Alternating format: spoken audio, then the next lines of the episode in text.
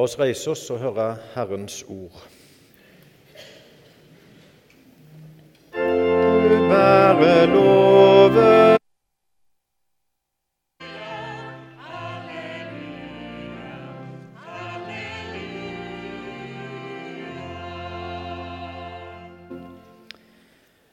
Som jeg nevnte, så er det fra Johannes-evangeliet, og det er Johannes som gjenforteller sju historier som er sju tegn. Og Vi kom til det tredje tegnet, og det står i Johannes-evangeliet kapittel 5. Etter dette kom en av jødenes høytider, og Jesus dro opp til Jerusalem. Ved saueporten i Jerusalem ligger en dam, som på hebraisk heter Betesta. Den er omgitt av fem bueganger. Der lå det en mengde mennesker som var syke, blinde, lamme og uføre. De ventet på at vannet skulle komme i bevegelse, for en engel fra Herren steg fra tid til annen ned i dammen og rørte opp vannet. Den første som steg ned i dammen etter at vannet var blitt rørt opp, ble frisk, uansett hvilken sykdom han hadde. Det var en mann der som hadde vært syk i 38 år. Jesus så ham ligge der og visste at han hadde vært syk lenge, og sa til ham, 'Vil du bli frisk?' Den syke svarte, 'Herre, jeg har ingen som kan få meg ned i dammen når vannet blir rørt opp.' 'Og når jeg kommer fram, går alltid en annen uti før meg.' Da sier Jesus til ham, 'Stå opp, ta båren din og gå.' Straks ble mannen frisk, og han tok båren sin og gikk.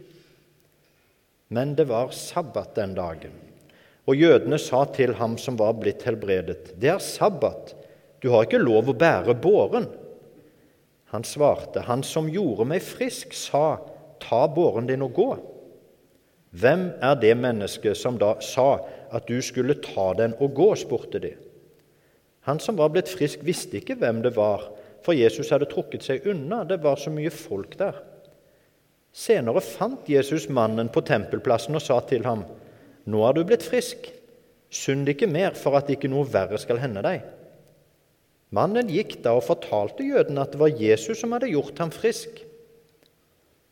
Så leser jeg litt videre, og det vet jeg ikke om kommer på veggen, men dere får høre etter. da. Fordi Jesus hadde gjort dette på sabbaten, begynte jødene å forfølge ham. Men han sa til dem, 'Min far arbeider helt til nå.' Også jeg arbeider. Etter dette var jødene enda mer oppsatt på å få ham drept, for ikke bare brøt han sabbaten, men han kalte også Gud sin egen far og gjorde seg selv lik Gud. Slik lyder Herrens ord.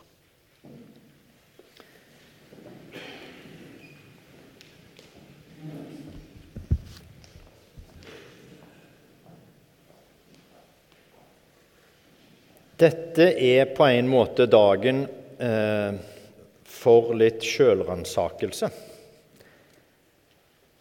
Fordi er det noen av oss som har opplevd at religiøse lover, religiøse regler, har kommet i veien eller blitt prioritert foran det å vise omsorg og omtanke for mennesker?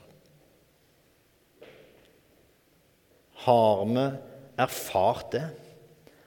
At det iveren etter å følge eller holde eh, religiøse lover og regler er kommet foran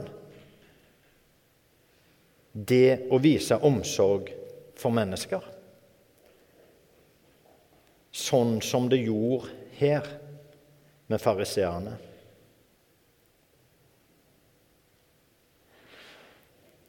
Det er dessverre sånn at eh, det virker som det er en, en form for tyngdekraft i religiøs tro.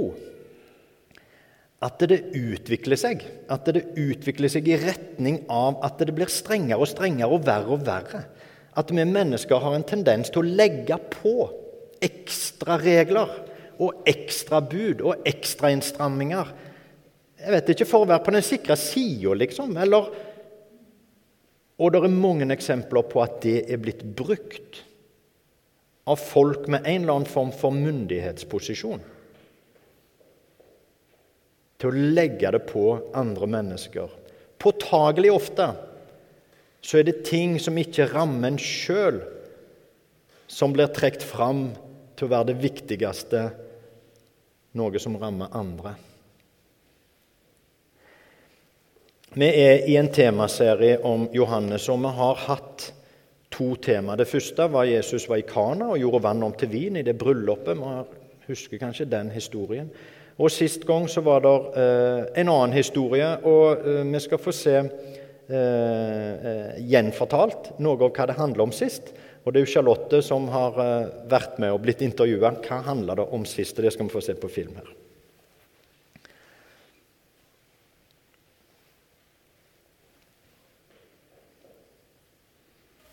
På gudstjenesten forrige gang så tok du fram eh, en historie om når Jesus var kommet tilbake til Kanan.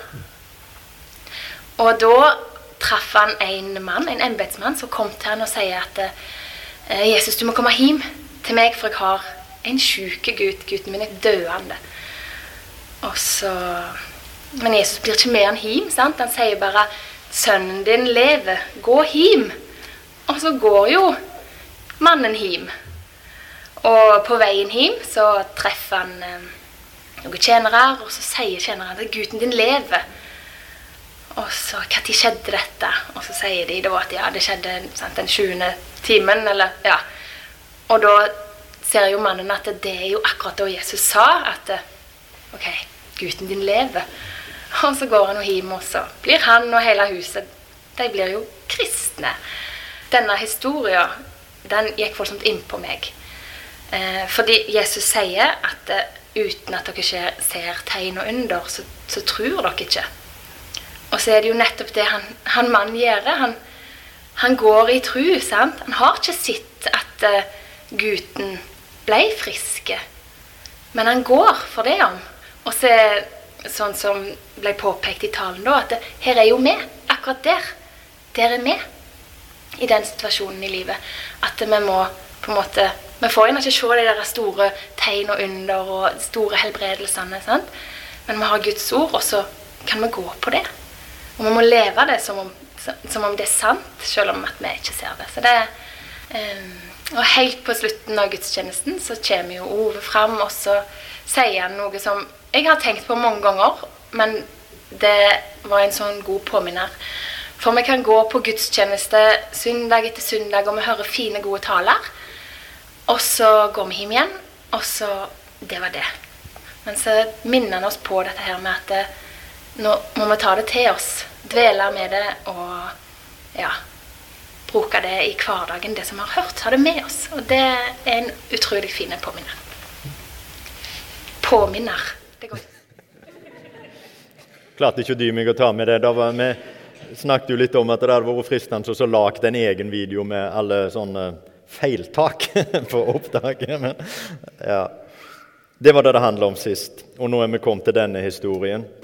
Eh, hvor Jesus han har vært i Kana to ganger, og denne gangen er han reist opp til Jerusalem. Og Johannes sitt poeng, da, det er For Johannes eh, Vi snakker ofte om, eh, om kristen tro som, som, om det var et håp. Altså at du må liksom bare gripe det. Du må bare, eh, du må bare famle deg fram til det i, i en sånn tru, og så bare holde fast på det. Johannes tenker annerledes. Han tror jo ikke i den forstand at han håper at dette er sant. Han vet jo at det er sant, for han har jo sett det sjøl. Det er jo det som er hans poeng. Jeg har jo sett det. Jeg var der, jeg hørte det, og jeg så det skjedde.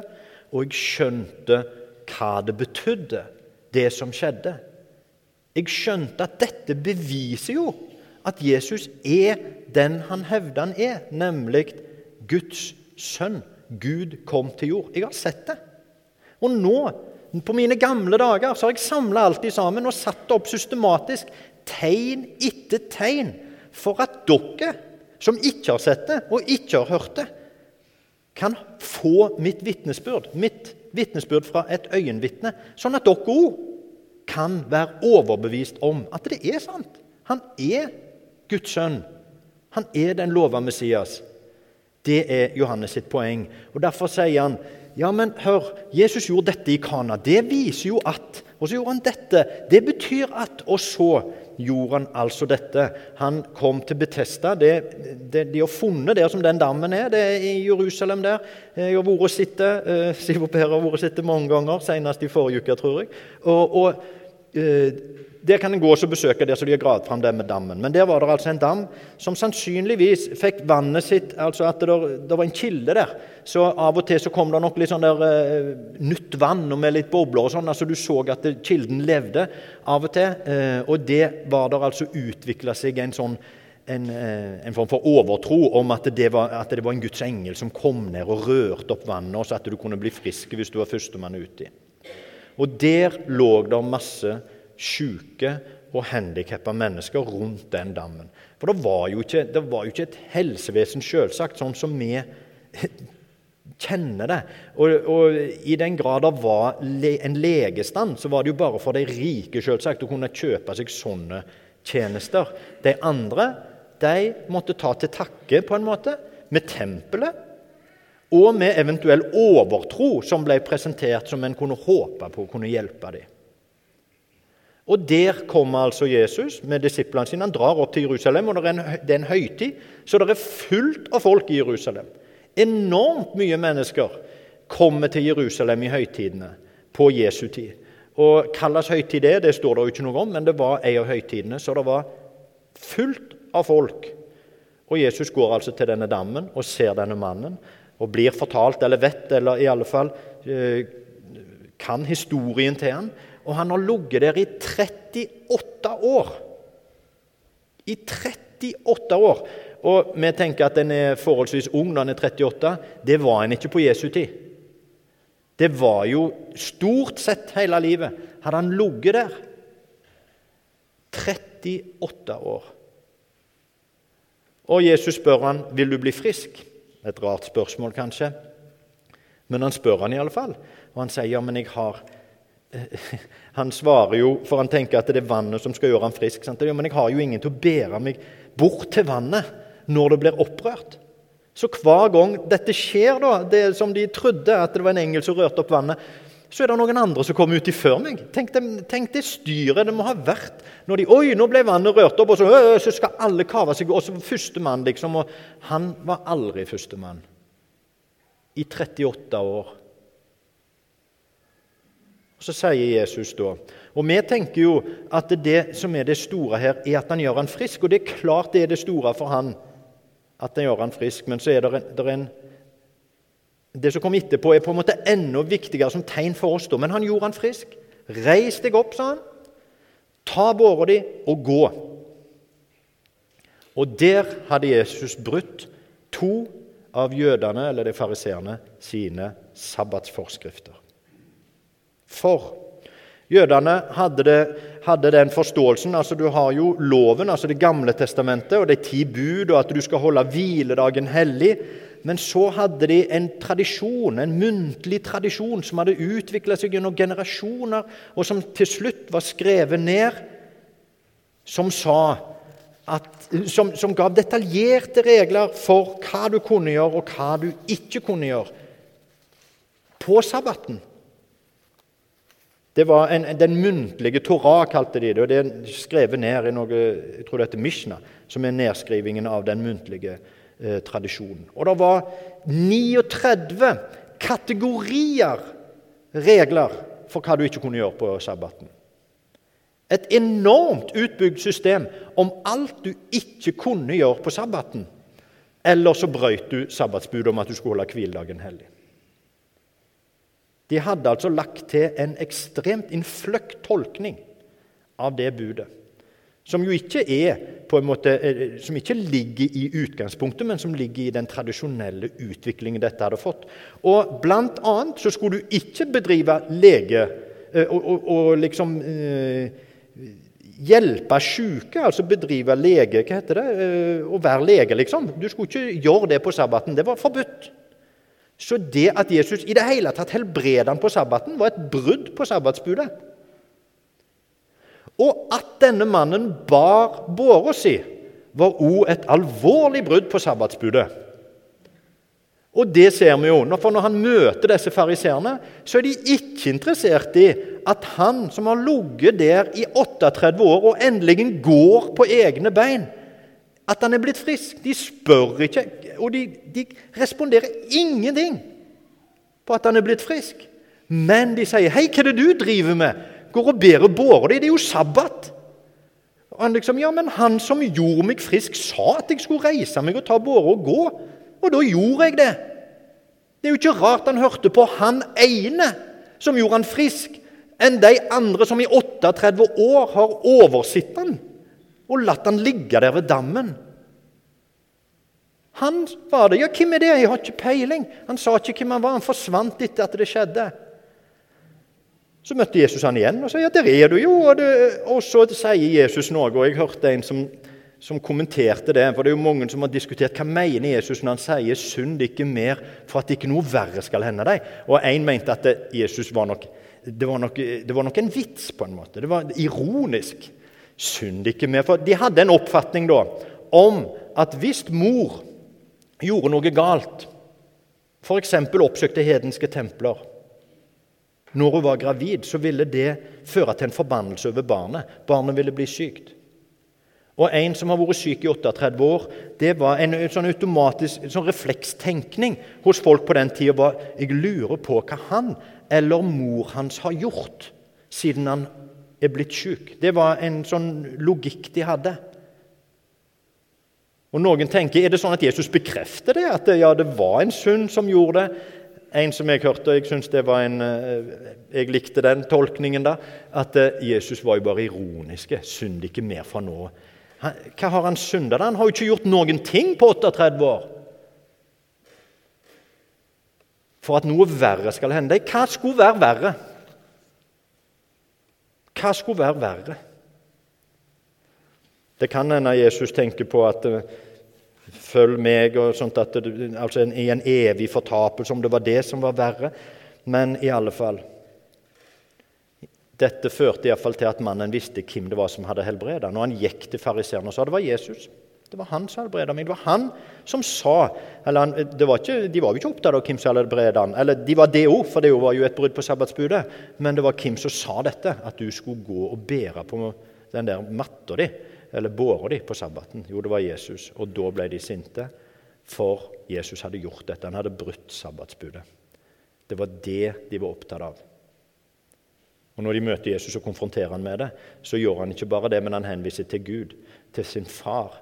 Ja, Men min far han tar jo ikke, ikke pause på sabbaten med å gjøre godt. Han gjør jo godt ord på sabbaten, og det gjør òg. Skulle jeg ta pause i å vise omsorg for mennesker fordi det var fordi dere har lagd mennesketradisjoner som forbyr en å gjøre godt på sabbaten. Ja visst han som meg, for jeg er hans sønn. Og da ble de i alle fall sinte. Eh, fordi han sa at han var Guds sønn, at han og Gud var ett. Og da kommer vi tilbake til dette. Kjenner vi noe av dette igjen? Er det relevant for oss, dette med fariseismen? Der hvor vi lager egne fortolkninger og utvider og drar det i en retning som får det resultat at det, vår forståelse av religion, eller av politikk for den del, eller verdier, blir sånn at forståelsen, systemet vårt, tradisjonen vår, blir viktigere enn menneskene. Så viktig at det blir til hinder for å vise omsorg for menneskene. Da har vi et problem. Da må vi revurdere vårt politiske standpunkt eller vår religiøse oppfatning, vår tolkning. Fordi Jesus korrigerte fariseerne på dette. Og det er det som er Johannes sitt poeng.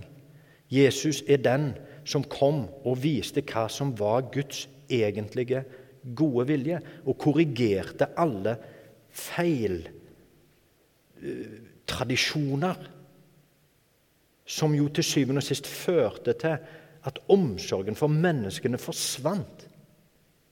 Ble blokkert av disse tradisjonene.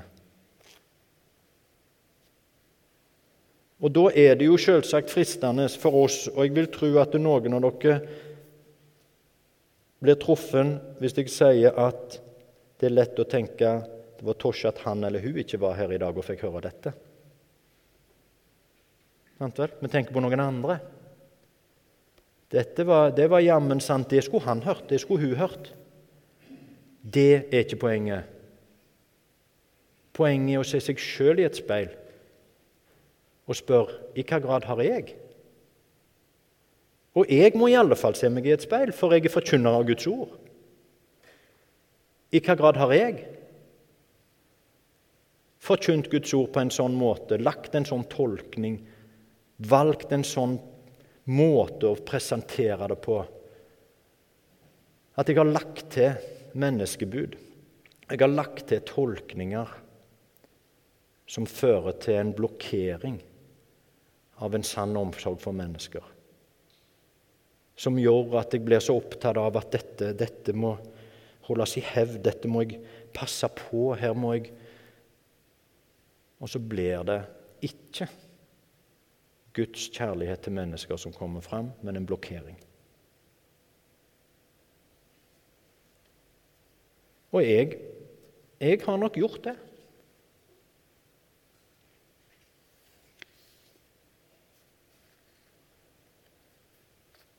Og jeg tror at det er en del andre òg som har gjort det.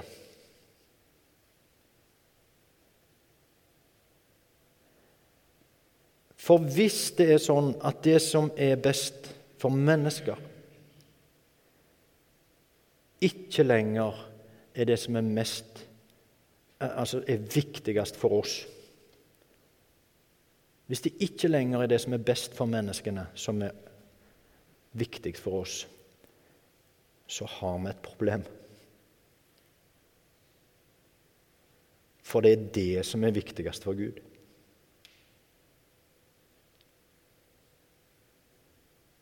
Det er for så høyt har Gud elsket verden. Det kristne evangeliet er budskapet av en Gud som elsker menneskene.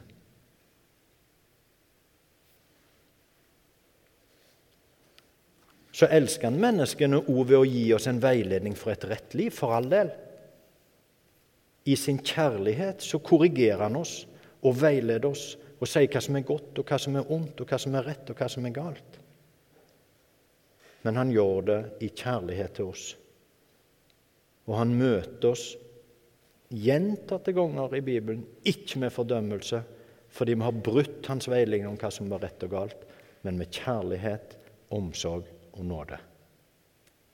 Og sånn skal vi møte hverandre.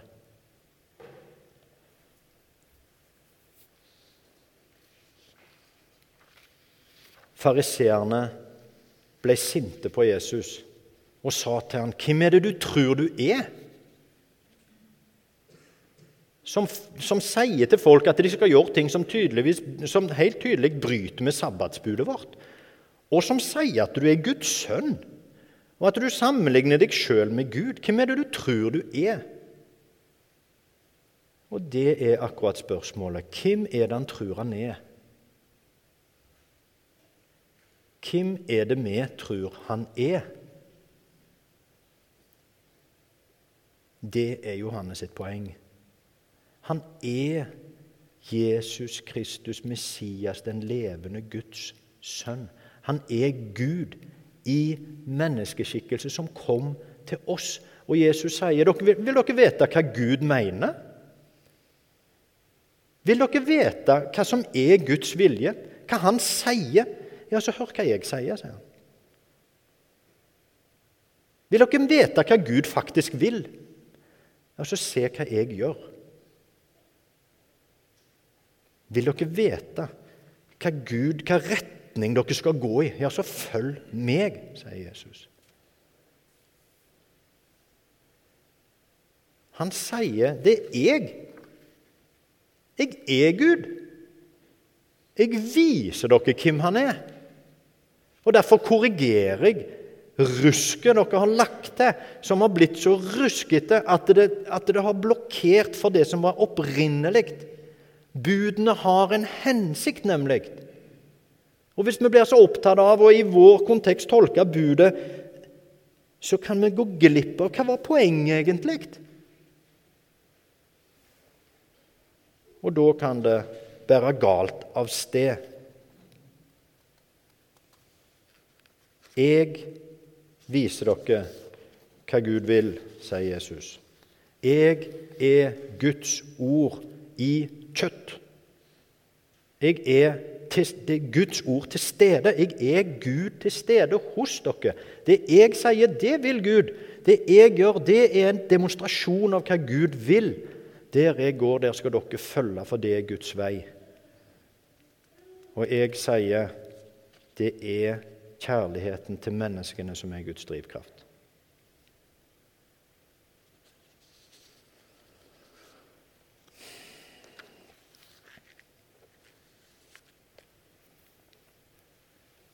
Dette er syns jeg er ganske vanskelig å snakke om. Både fordi jeg vet at det er relevant, og fordi eh, det rammer meg sjøl og fordi jeg er redd for å bli oppfatta som at jeg sier det for å ramme noen andre og noen spesifikt andre. Det er ikke poenget, det siste. Men vi, jeg og du, må se oss i speilet, og vi må vurdere våre standpunkt og våre handlinger og våre holdninger opp mot det som Jesus viser oss. Og den kjærligheten han har for menneskene, må være vår kjærlighet for mennesket og ingenting. Heller ikke gode intensjoner med religiøse liksom, fortegn må få komme i veien for det. Vi må måle våre standpunkter på måten Jesus viser oss hva nestekjærlighet er.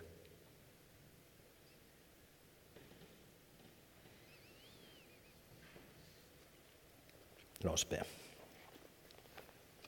Jesus, takk for at du kom, og takk for at du er Messias, den levende Guds sønn, og at du har vist oss hvem Gud, vår skaper, er.